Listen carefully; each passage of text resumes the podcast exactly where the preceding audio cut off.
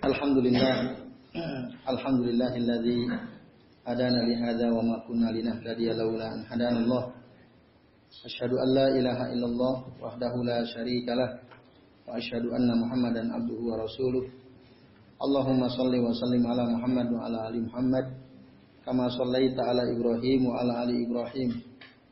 Wa barik ala Muhammad wa ala ali Muhammad kama barakta ala Ibrahim wa ala ali Ibrahim fil alamina innaka Hamidum Majid amma ba'du.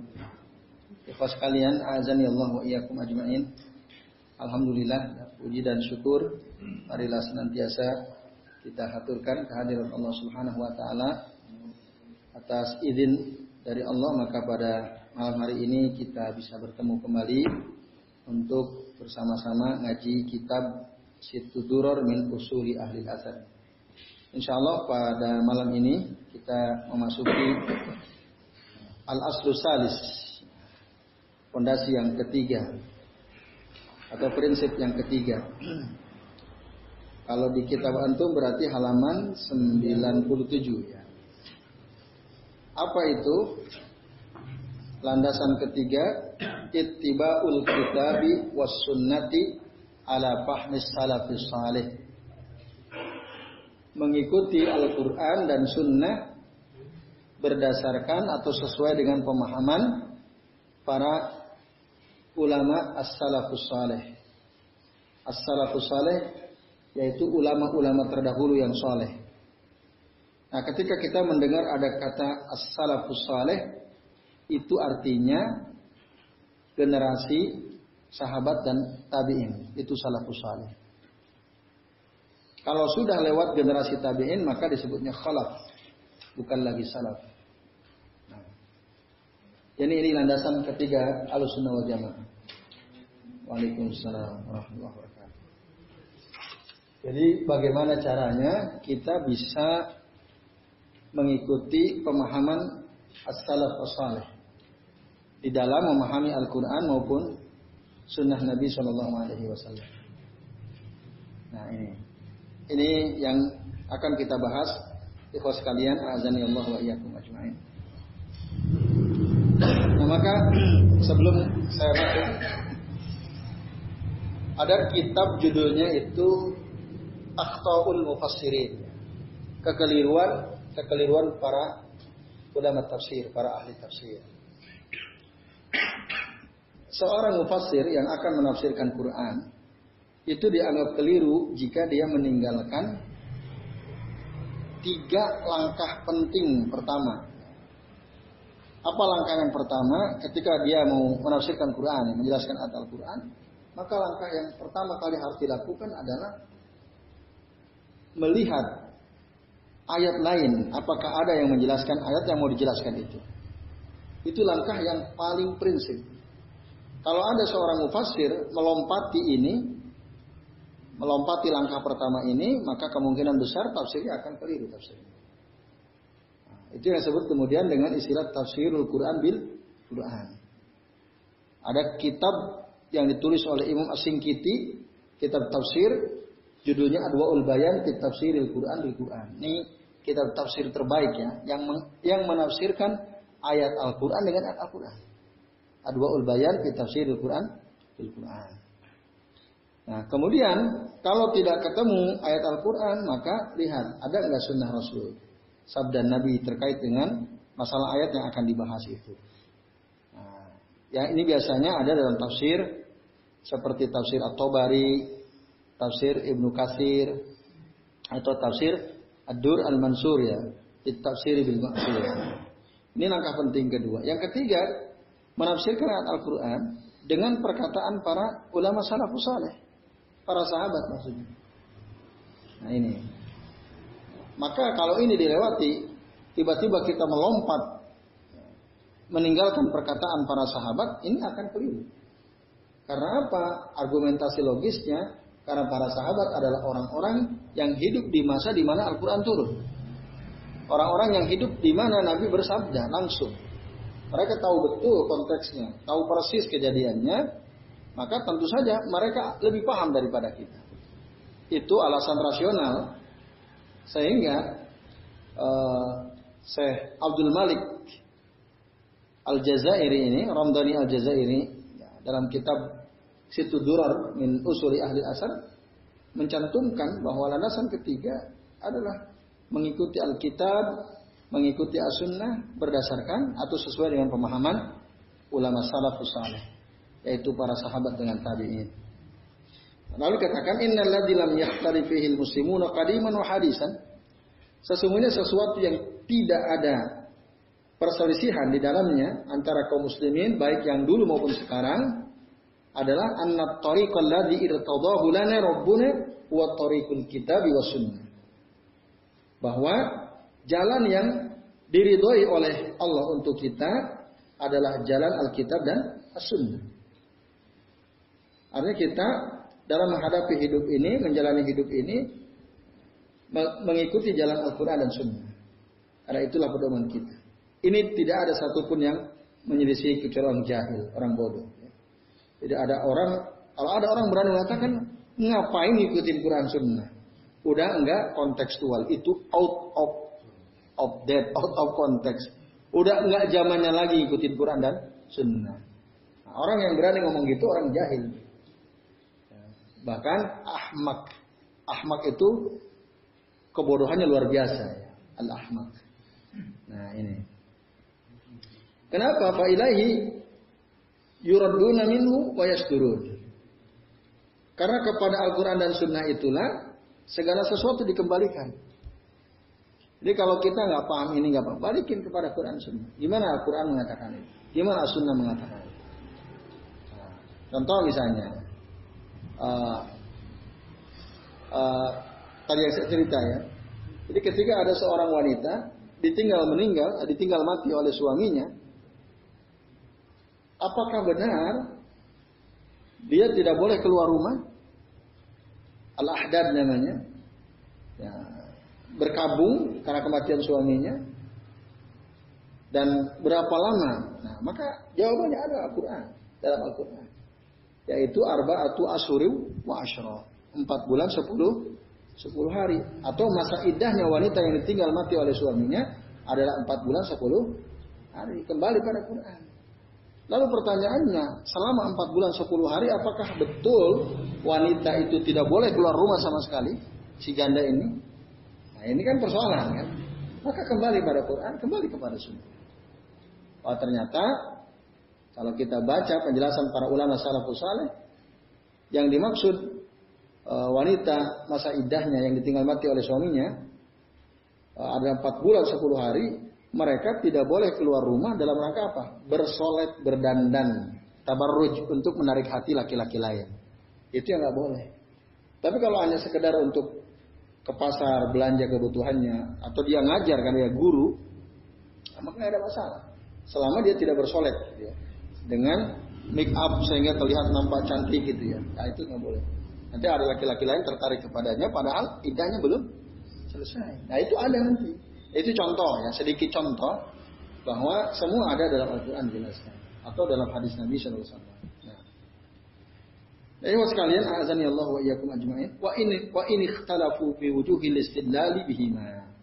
Meskipun memang para ulama kadang-kadang mereka berselisih dalam sisi-sisi ya, argumentasi dari Quran dan Sunnah. Sisi-sisi pendalilan gitu ya. Contoh misalnya ada ayat berbunyi wa in kuntum maridun au ala safarin apabila kalian sakit atau sedang melakukan safar wa in kuntum maridun au ala safarin au jaa ahadum minkum minal ghaiti au lamastumun nisaa fatayammamu falam tajidu ma'an fatayammamu sa'idan thayyiban misalnya apabila kalian sakit wa in kuntum maridun au ala safarin atau sedang safar. Au jaa ahadukum minal ghaiti atau salah seorang di antara kalian buang hajat itu.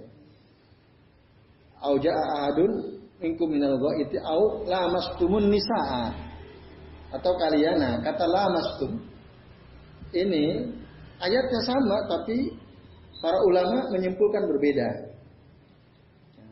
Mazhab Asy-Syafi'iyah mengatakan kata lamastum artinya menyentuh.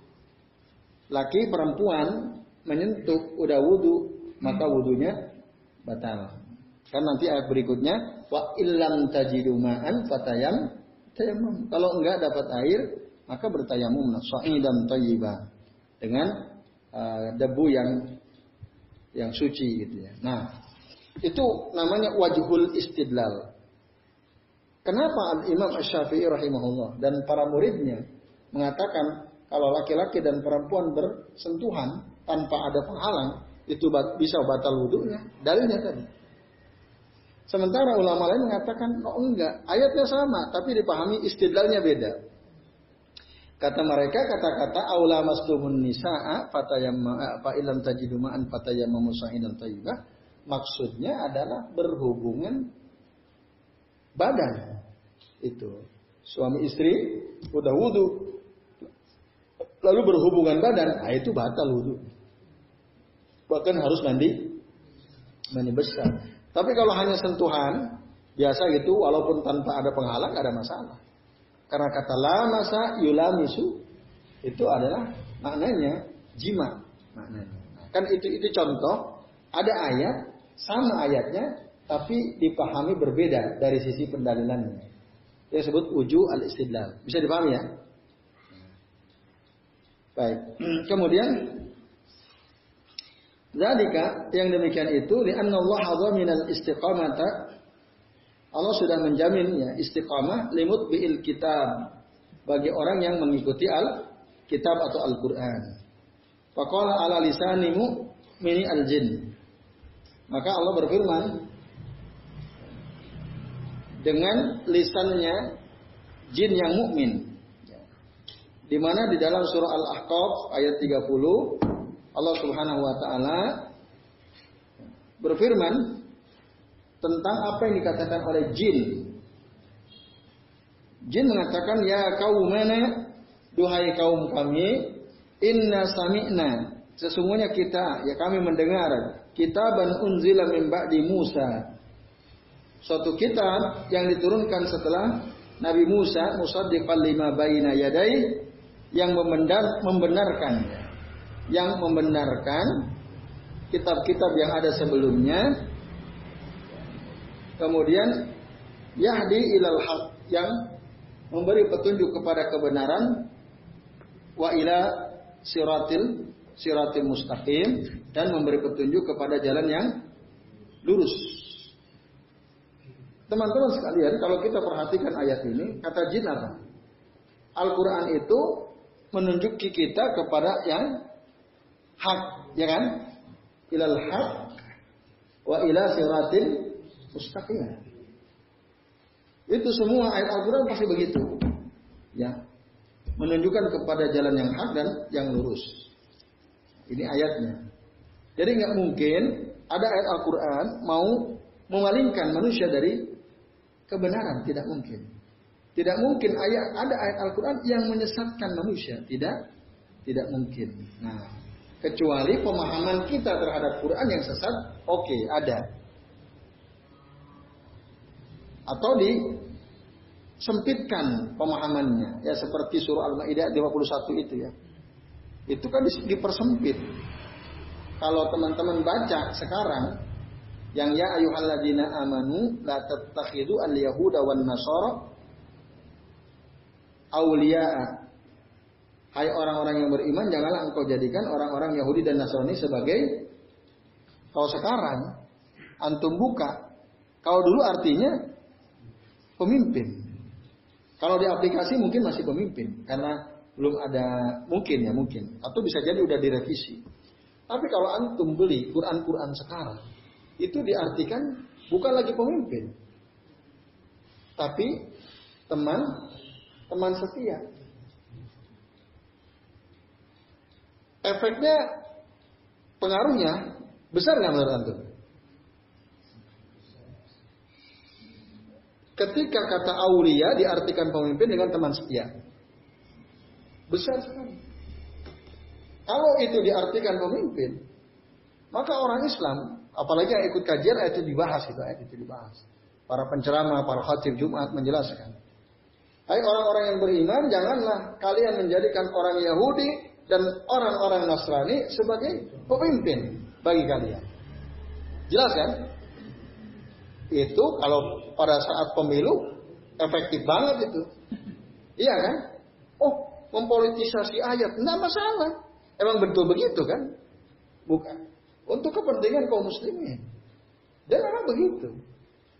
Kata wali zamannya aulia, makna terkuatnya adalah pemimpin. Kalau di aplikasi apa sekarang artinya? Masih kan? Nah, coba ada Quran terjemah nggak di sana? Ada nggak Mas Azir? Nah.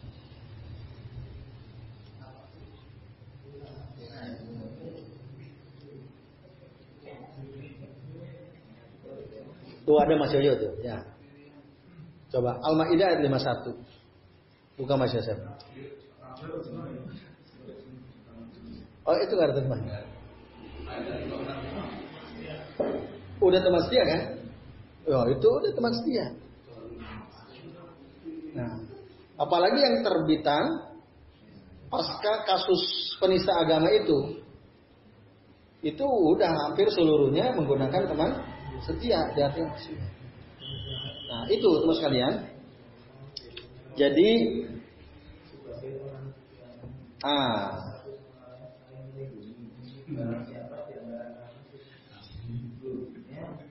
Barang siapa di antara, di antara kamu?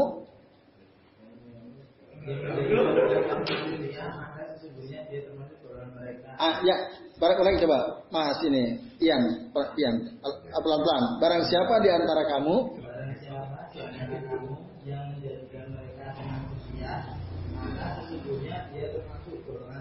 Oke, termasuk golongan mereka apa maksudnya? Ya berarti Yahudi Nasrani atau orang kafir. Kafir bukan Yahudi Nasrani. Atau non Muslim.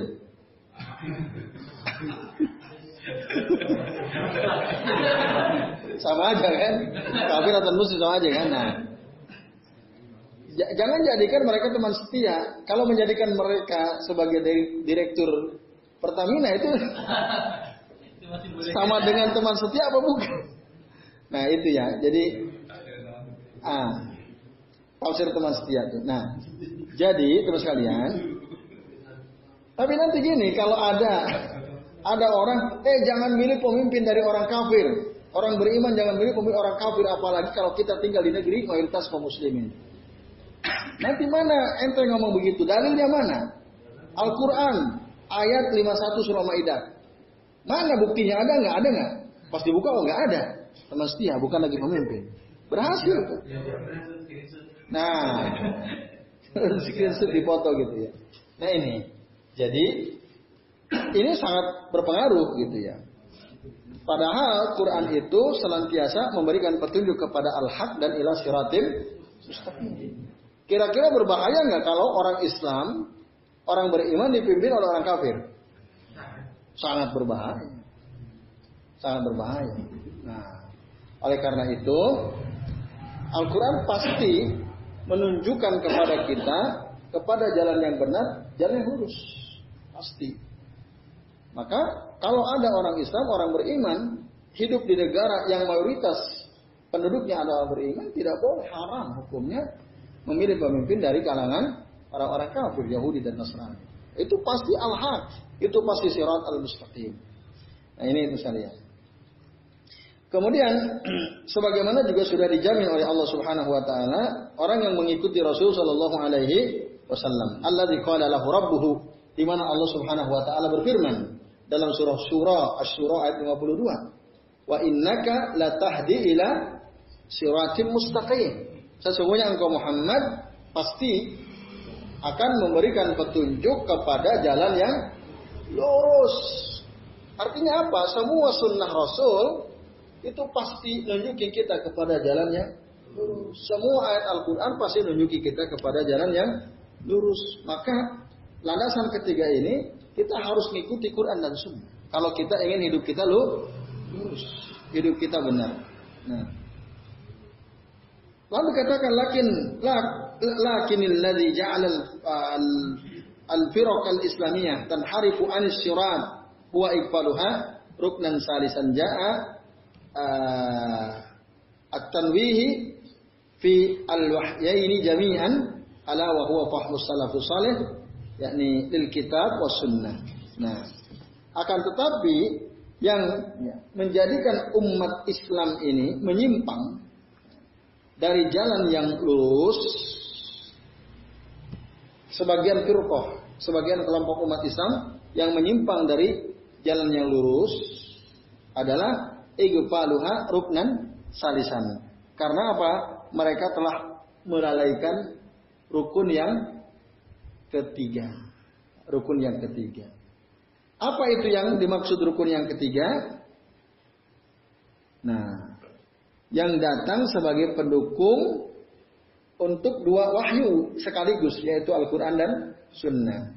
Apa yang dimaksud rukun yang ketiga yang mendukung dua wahyu yang tadi disebutkan itu ala wa huwa fahmus salafus salih lil kitab wa sunnah. Ketahuilah itu adalah pemahaman para ulama salafus saleh terhadap Alkitab dan As-Sunnah. Jadi kita harus mengikuti bagaimana menurut Umar, bagaimana menurut Abu Bakar, bagaimana menurut Abdullah bin Abbas tentang suatu ayat. Yang paling banyak diikuti biasanya pendapat Abdullah bin Abbas atau Abdullah bin Mas'ud radhiyallahu anhu biasanya. Karena mereka punya ada tafsir Ibnu Mas'ud, ada tafsir Ibnu Abbas. Baik. Kemudian maka clear ya. Jadi prinsip ketiga ini ikuti Alkitab, ikuti Sunnah, ikuti pemahaman para ulama salafus saleh. Kalau kita tanya diri masing-masing, sejauh ini sudahkah kita selalu mengukur seperti itu? Eh ini apa yang saya pahami sama nggak ya dengan salafus saleh? Pernah nggak? Nggak pernah kan? Selama ini kita jalan aja kan? Nah, atau ketika kita mendengarkan ada ustadz menyampaikan suatu hadis atau dalil dari Al-Quran atau Sunnah. Apa yang disampaikan beliau ini sesuai dengan salafus saleh atau tidak? Nah, kan kadang-kadang ya itu kalau kita nggak paham pak pemahaman para ulama salafus saleh, pokoknya setiap ada ustadz yang mengutip Al-Quran atau Sunnah, ah, langsung wah benar benar. Padahal belum tentu. Ada di antara mereka yang ngawur gitu. Ngawur bahkan tadi membelokkan makna Al-Quran dan makna As-Sunnah dari makna yang sebenarnya. Karena apa? Dia meninggalkan pemahaman salafus saleh. Maka penting tadi merujuk kepada para pandangan para para sahabat tentang ayat tersebut atau tentang suatu hadis yang disampaikan oleh Nabi Shallallahu Alaihi Wasallam. Nah maka katanya kata saya Abdul Malik Ramdhani Al-Jazairi wa qad istamalat suratul Fatihah ala hadhil arkan salasa fi akmali bayan. Sungguh surah Al-Fatihah itu sudah mencakup tiga rukun ini dalam penjelasan yang sangat sempurna. Al-Quran surah Al-Fatihah itu sudah mencakup tiga rukun penting. Yang ini merupakan prinsip ketiga Masih ingat tadi rukun pertama apa? Kalau kita ingin lurus jalan kita, ikuti gur. Rukun kedua, ikuti sunnah. Rukun ketiga, pandangan ulama salafus salafus saleh. Nah dalam Alkitab al, al, al surah Al-Fatihah ada ayatnya. Yaitu dalam surah Al-Fatihah ayat ke-6. Ihdinas siratal mustaqim. Ya Allah tunjukilah kami kepada jalan yang mustaqim yang lurus. Yang lurus. Lalu ya, di sini katakan ayat ini kata saya Abdul Malik Ramdhani Al-Jazairi, ayat ini mencakup dua rukun penting bagi seorang muslim yaitu Alkitab was wasun wasunnah kama sabaqo. Kalau dua, yang ketiganya di ayat lanjutan ayat ketujuhnya siratal ladzina an'amta alaihim ghairil maghdubi alaihim waladdallin. Nah, siratal ladzina an'amta alaihim itulah poinnya. Nah, ini mencakup atas pemahaman salaf ya. Yang dimaksud asirat alladzina an'amta alaihim. An'amta alaihim siapa di sini? Yaitu ya, orang-orang saleh ya, minas syuhada wasiddiqin ya itu di antaranya para uh, hamba yang mati syahid, para hamba yang jujur, para hamba yang berilmu, al ulama. Nah ini an'amta alaihim. Jalan orang-orang yang engkau beri nikmat kepada kepada mereka. Nah, ini Bapak uh, ikhwas sekalian azanillahu wa iyyakum Jadi yang dimaksud sirat, siratul ladina an'amta alaihim adalah mengikuti pemahaman ulama salaf. Mengikuti pemahaman ulama ulama salaf. Nah, untuk bisa berjalan di atas jalan yang lurus dan benar tadi. Nah, lalu katakan bersamaan dengan ini tidak diragukan lagi bahwa ketika seseorang dia senantiasa berusaha untuk mempelajari Alkitab wa Sunnah, maka sungguh dia sudah diberikan petunjuk oleh Allah kepada jalan yang lurus. Faqad hudiya ila siratil mustaqim. Nah, itu. Jadi orang yang senantiasa berusaha untuk kembali kepada Quran, kembali kepada Sunnah, ada nggak dalilnya dan seterusnya. Orang yang berpikir seperti itu oleh Allah akan di, diberikan ya, diberikan petunjuk kepada jalan yang lurus, dimudahkan hidupnya. Kecuali annahu lamma kana fihim, lamma kana fahma, lamma kana fahman nasi lil kitab wa sunnati bihi minhu as-sahih wa minhu as-sakin. Nah. Kecuali ketika lamma kana fahmun nas ketika pemahaman manusia kepada Alkitab, Al-Quran dan Sunnah itu ada minhu as-sahih wa minhu as-sakim. Ada yang sahih, ada yang apa? Sakim. Sahih itu pemahaman yang benar, sakim itu pemahaman yang sakit, yang rusak. Nah, maka ayat Tujuh dari surah Al-Fatihah mau tidak mau itu menunjukkan rukun yang ketiga untuk lirofil khilaf.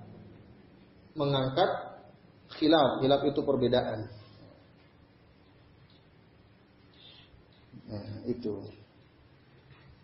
Kemudian ketahuilah bahwa yang dimaksud ini adalah takyidu fahmil akhlak bifahmis bifahmil aslab. Nah. Jadi rukun ketiga ini yang ini merupakan uh, perangkat ya untuk menghilangkan khilaf. Khilaf itu perbedaan di tengah-tengah uh, kaum muslimin ya, lirafil khilaf. Yaitu apa? Mengikuti pemahaman uh, khalaf dengan pemahaman salaf gitu ya. Jadi kalau kita mau mengutip pendapat seorang ulama khalaf belakangan, itu harus kita ikat dengan pemahaman para ulama salaf terdahulu.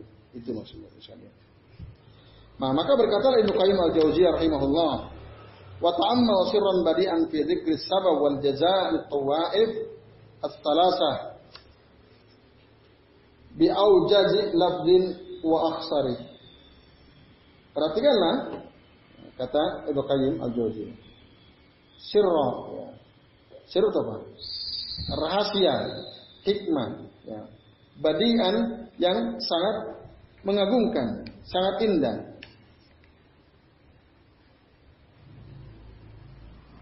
Yang uh, disebutkan fi sabab ya. Disebutkan sebabnya disebutkan sebabnya.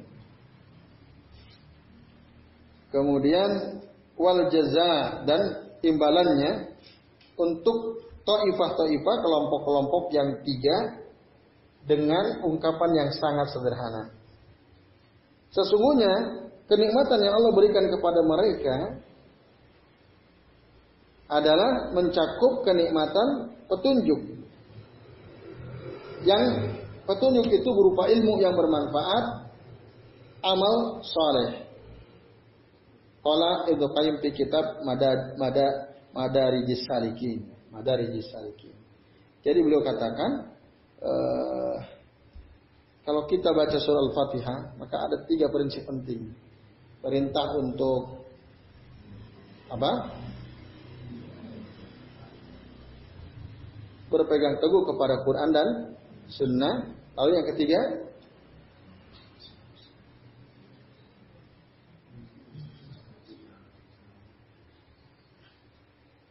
berapa?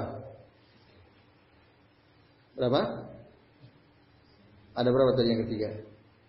Nah, ilmu yang bermanfaat tadi ya dan amal soleh, amal soleh itu itu nikmat berupa hidayah. Hidayah itu berupa ilmu dan amal, ilmu yang bermanfaat dan amal soleh. Itu kata Ibnu Qayyim al-Jauziyah rahimahullah. Lalu dia katakan, maka setiap orang yang lebih tahu tentang kebenaran, lalu dia mengikuti kebenaran itu, maka dia adalah orang yang paling berhak untuk mendapatkan asyirat al-mustaqim. Asyirat al-mustaqim. Jadi kalau ada orang tahu, oh ini yang benar. Lalu dia mengikuti kebenaran itu, dia cari hadis Nabi, lalu ketika ketemu hadis Nabi dia lakukan itu, nah maka orang yang seperti ini mempelajari hadis-hadis Nabi, mengikuti hadis-hadis Nabi, inilah orang yang paling berhak, paling uh, apa utama untuk mendapatkan jalan yang lurus. Lalu dikatakan dan tidak ada keraguan lagi bahwa yang dimaksud orang yang paling tahu tentang hak dan mengikuti kebenaran siapa?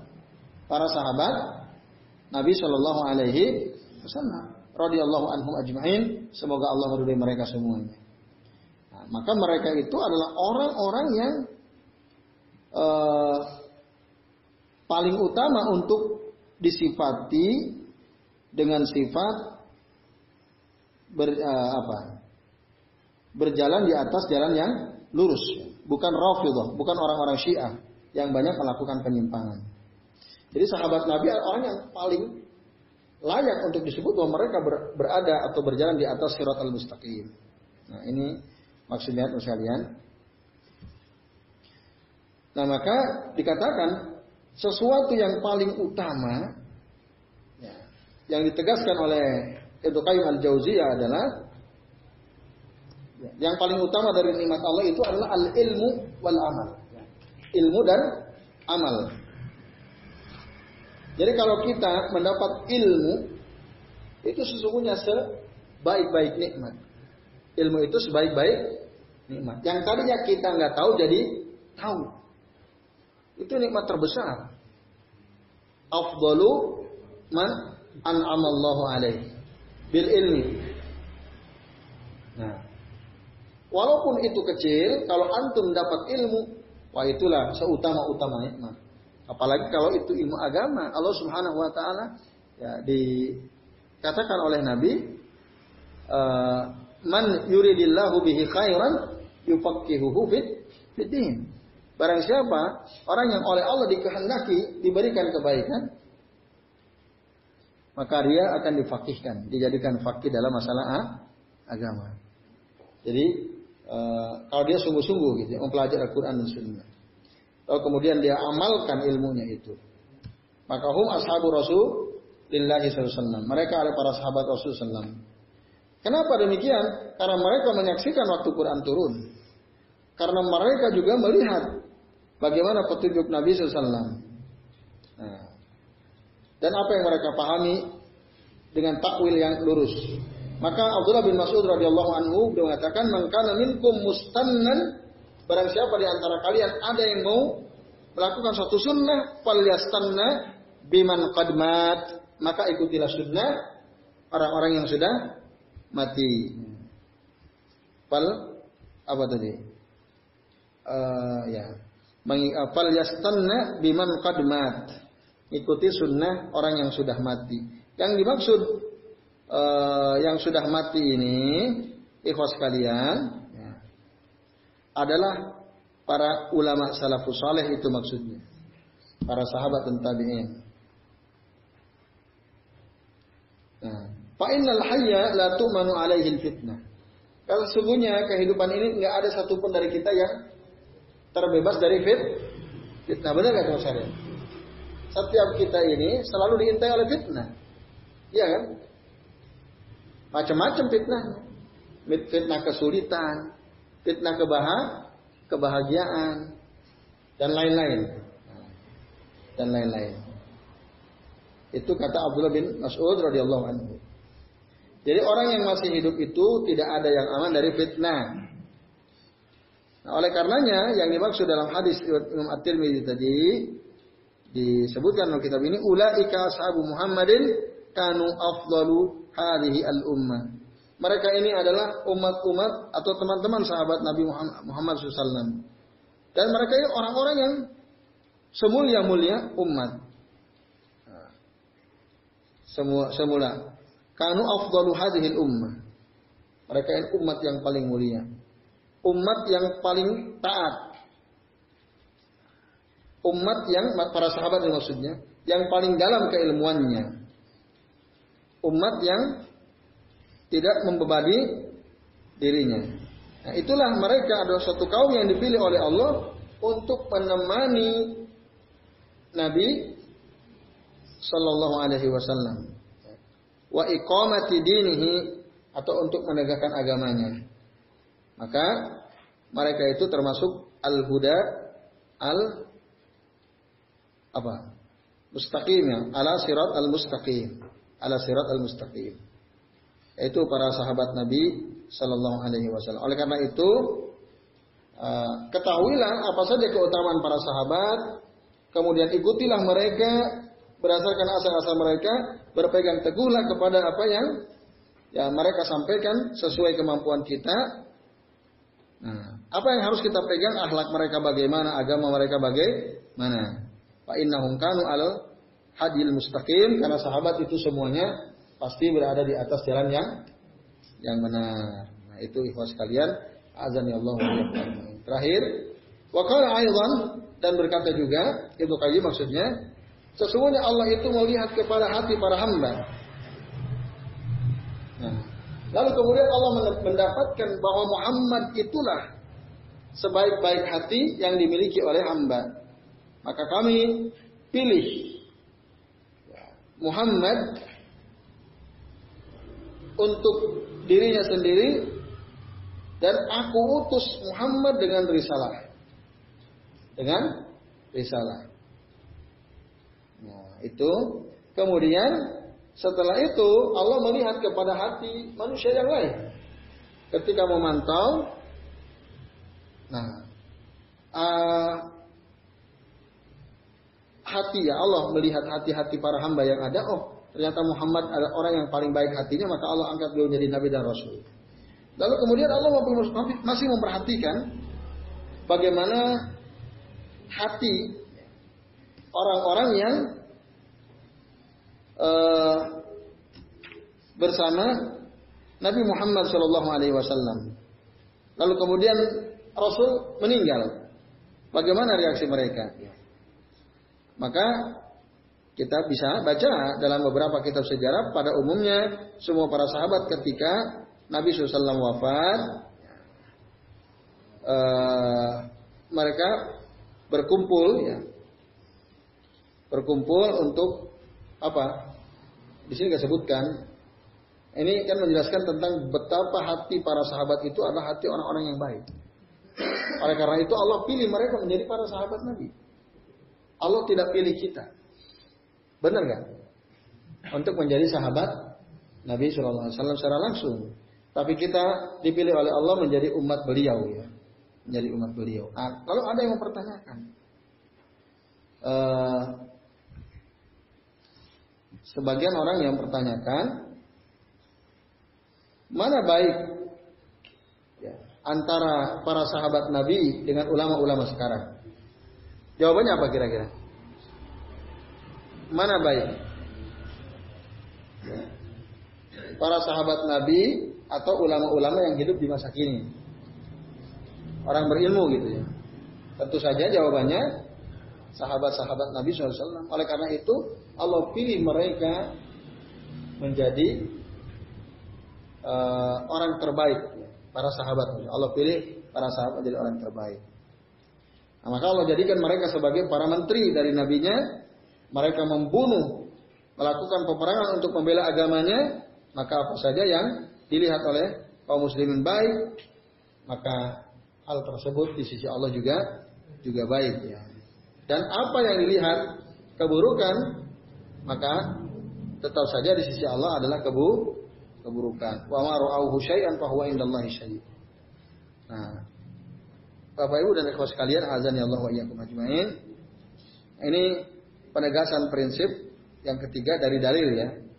Dari dalil yang yang ada. Jadi para sahabat itu manusia pilihan karena mereka hidup di masa Nabi SAW. Beda dengan kita. Nah, jadi saya kira clear ini ya. Terus paragraf terakhir. Jadi dengan demikian kaum muslimin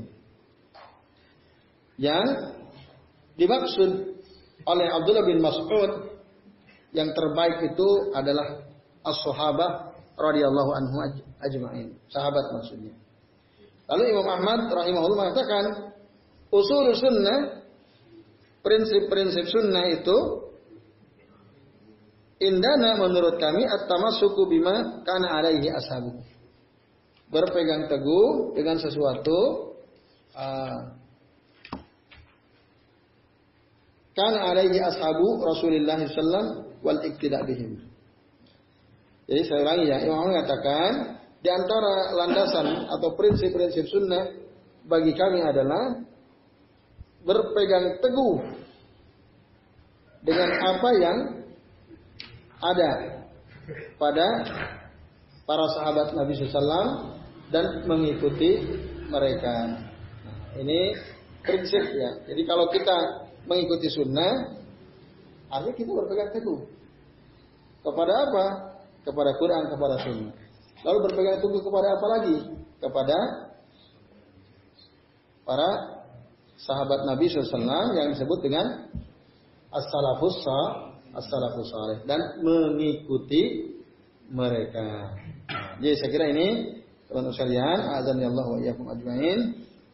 Ya, penjelasan belum tuntas insya Allah nanti besok kita tuntaskan ya.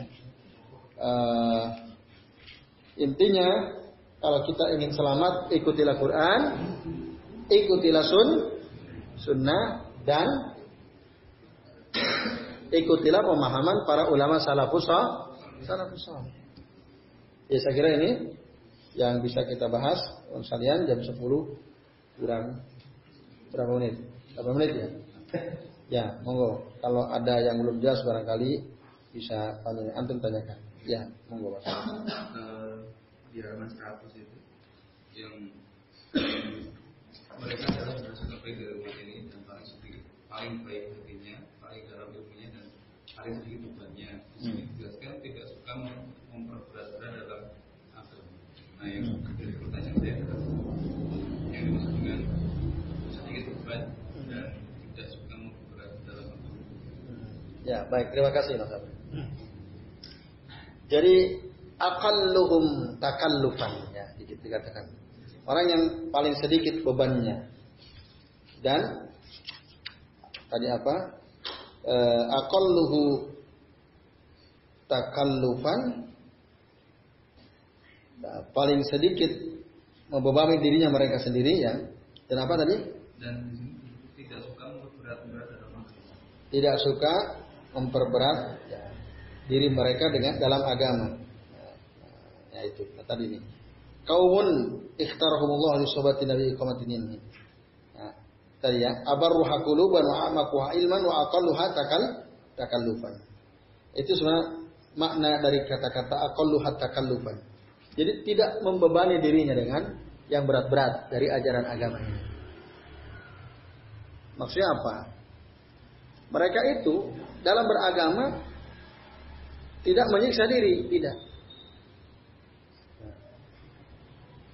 Bahkan Rasul sendiri mengajarkan ketika ada dua pilihan, kata istri beliau, istri Nabi Musa, Aisyah radhiyallahu anha.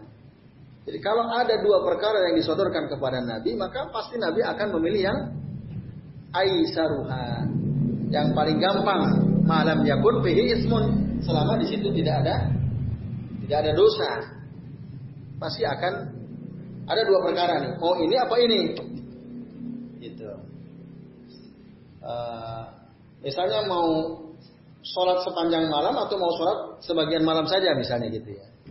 pasti Rasul akan lihat paling mudah. Ya sudah, sholat sebagian malam saja. Selama itu tidak tidak berdosa. Itu contoh. Nah jadi para sahabat itu pada umumnya adalah orang-orang yang tidak membebani diri mereka dengan yang berat-berat, amal yang berat-berat. Walaupun ada satu dua lalu kemudian sadar mereka. Ya, dulu ada Abdullah bin Amru bin Al As radhiyallahu anhu, radhiyallahu anhu. Beliau ini kalau malam sholat lail terus, sampai-sampai isinya nggak pernah kesentuh isinya. Gimana tuh kira-kira? Kalau udah punya suami tapi isinya nggak pernah disentuh, dicuekin. Pak sini dong, pas sholat lain. Udah nanti. Dan itu tiap hari. Pusing kan isinya tuh pasti. Nah, itu itu itu pernah ada sahabat melakukan itu. Terus kalau siang puasa terus nggak pernah buka-buka. Pokoknya tiap hari puasa. Ya. Daud masih kecil, Daud kalah ini tiap hari puasa. Ya. Pas ada masih kecil. Nah, lalu didatangi oleh Nabi SAW. Dia ingatkan. Kata Rasul apa? Fa ini akumu wa ana. Sesungguhnya aku ini sholat lail tapi aku juga tidur. Fa asumu wa uftir. Aku juga puasa tapi juga aku buka. Enggak terus-terusan puasa. Wa atazawwaju an-nisa. Aku juga menikahi para wanita. Wa man ragiba an sunnati falaysa minni. Barang siapa yang tidak suka kepada sunnahku, dia bukan bagian dari golonganku kata Rasul. Nah, diingatkan, jadi sahabat gak boleh terlalu membebani diri dengan ibadah yang macam-macam. Nah orang sekarang ada tuh ibadahnya macam-macam, dibebani dirinya ketika dia pusing, ya cari guru spiritual, dikasih amalan yang membebani dirinya. Jikir seribu kali, atau bahkan lebih dari itu, harus ke empat arah mata angin. Wah, harus muter itu. Ada itu, saya ketemu orang, ya, dia punya guru spiritual, dia itu ingin tenang hatinya. Nah kalau sahabat nggak begitu jauh ya. Ini diajari untuk berzikir ke arah empat mata angin. Lalu saya tanya, zikirnya seperti apa? Pakai bahasa Jawa, ngerti orang? Nggak ngerti juga. Pokoknya saya suruh baca itu, saya baca aja. Bahasa Arab ada nggak yang diajar? Ada. Gimana zikirnya? Zikirnya katanya sirrullah, sifatullah, zatullah, wujudullah. Itu berkali-kali diulang-ulang. Misalnya ke sana seribu, ke sana seribu, ke sana seribu, ke sana seribu. Mumet itu. Kan membebani diri itu namanya. Nah, lagian apa arti zikir itu? Sirullah artinya rahasia Allah. Sifatullah artinya sifat Allah. Zatullah artinya zat Allah. Wujudullah artinya keberadaan Allah. Mana memuji-muji Allah? Zikir itu kan harus muji-muji Allah. Ini dia cuma kalau dibahas kan kan rahasia Allah, sifat Allah, zat Allah, wujud Allah, rahasia Allah, sifat Allah, zat Allah, wujud Allah. Ngapain zikir kayak begitu? Nah itu takalluf namanya, membebani diri sendiri. Takalluf. Saya tanya tenang nggak Satya? Lumayan sih tenang juga. Tapi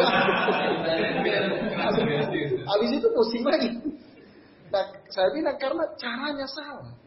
Nggak begitu. Nah, jadi gitu misalnya. Jadi para sahabat mereka itu tidak membebani diri mereka dengan amal ibadah yang berlebihan. Nah, yang saya sering cerita itu ada orang puasa namanya puasa dalail itu loh, puasa tiga tahun berturut-turut.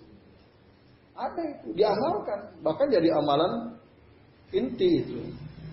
Batal sekali aja batal, harus ulangi lagi. Misalnya antum udah dapat dua tahun sembilan bulan atau dua tahun sebelas bulan, tinggal sebulan lagi, eh batal antum sekali gara-gara main pusat diajak teman, gagal tuh puasa lagi tiga tahun lagi, begitu. Nah itu takalluf namanya. Para sahabat bukan orang yang begitu itu. Karena apa? Kalau membebani diri dengan yang berat-berat itu namanya gulu dalam agama. Berlebihan dalam agama. Nah, maka Nabi itu ngajarin udah porsinya udah pas porsinya. Sholat malam, sholat, sholat tidur boleh tidur. Menikah bersenang-senang istri boleh nggak? Boleh. Bahkan istri lagi haid aja boleh nggak bersenang-senang dengan istri? Boleh. Bercumbu dengan istri ketika istri haid boleh? Boleh. Tapi orang Yahudi nggak boleh. Bahkan dijauhi, dipisahkan. Kamar disendirikan, nggak boleh makan bareng, nggak boleh tidur bareng orang Yahudi itu. Betul-betul dianggap kotor betul wanita yang sedang haid. Karena Islam ini. Wanita haid sama seperti kita. Ketika suami ingin bersenang-senang pada istri sedang haid, boleh. Yang penting satu aja nggak boleh. Yang ya, bagian bawahnya itu tok yang nggak boleh. Selainnya silahkan. Nah, itu. Jadi Islam itu ringan sebenarnya. Tidak membebani manusia sehingga apa ya melawan fitrahnya. Nah, tapi ada kan ajaran agama yang melarang pimpinan agamanya untuk menikah ada nggak? Ada. Itu guru. Islam enggak. Ya. Kiai, ya, orang saleh, orang berilmu menikah boleh nggak? Boleh. Bahkan bukan hanya satu, empat aja boleh kan begitu. Nah, itu jadi dalam Islam mudah. Ya? Nah, jadi itu Mas Abri yang dimaksud uh, akalluha takallufan jadi para sahabat itu adalah kebanyakan mereka itu. Ketika pun ada yang membebani dirinya berlebihan, Rasul pasti datangi dan dinasihati oleh Nabi SAW. Nah itu, itulah ciri-ciri manusia terbaik, gampangan gitu. Ibadahnya dia tadi apa tidak membebani dirinya, tidak menyiksa gitu ibadah-ibadah yang dilakukan. Nah itu, oke, saya kira itu. Oke? Jelas ya Mas Abri ya? Yang lain masih ada? Satu lagi barangkali? Kalau ada yang mau tanya?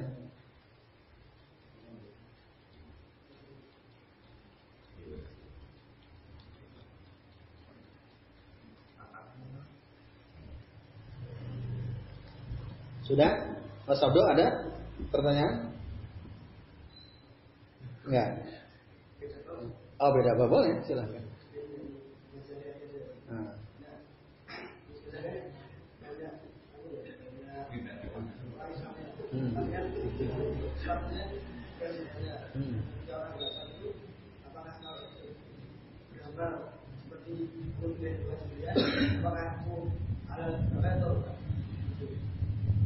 Siapa yang menyembelih hewan sembelihan? Oh. Orang Islam yang belum sholat, lalu dia menyembelih sembelihan itu, kayak kambing, sapi atau seterusnya. Boleh nggak kita makan sembelihannya? Selama dia menyembelihnya mengucapkan Bismillah, boleh. Tapi kalau dia atas nama Allah itu boleh. Tapi kalau atas nama selain Allah itu jelas haram. Bahkan meskipun orang yang sholat ya, kalau dia menyembelih tidak atas nama Allah, tapi atas nama Nyiroro Kidul misalnya, nah, maka haram. Nah, innama hurrimat alaikumul maitatu wa damu wa lahmul wa ma uhilla bihi ghairullah wa ma uhilla bihi ghairullah wa ma uhilla bihi bi ghairillah man iturra ghairu bagin wala adin fala isma alaih. Jadi sesungguhnya diharamkan atas kalian al-maitah, bangkai, wadam, darah walahmul hinzir ya. daging babi wa ma uhilla bihi li ghairillah. Dan sesuatu yang disembelih tidak atas nama Allah Subhanahu wa taala. Tapi kalau dia dia jarang sholat, cuman dia punya ingin syukuran gitu ya. Ingin syukuran, oh, usahanya lancar, dia nyembelih. Mungkin dia, mungkin yang lain ya, diwakilkan, tapi pakai bismillah. Lalu kita diundang, ayo makan-makan di rumah tuh. Dia nggak sholat padahal. Muslim. Maka boleh nggak kita makan? Boleh. Boleh. Selama tadi dia mengucapkan bismillah sebelum.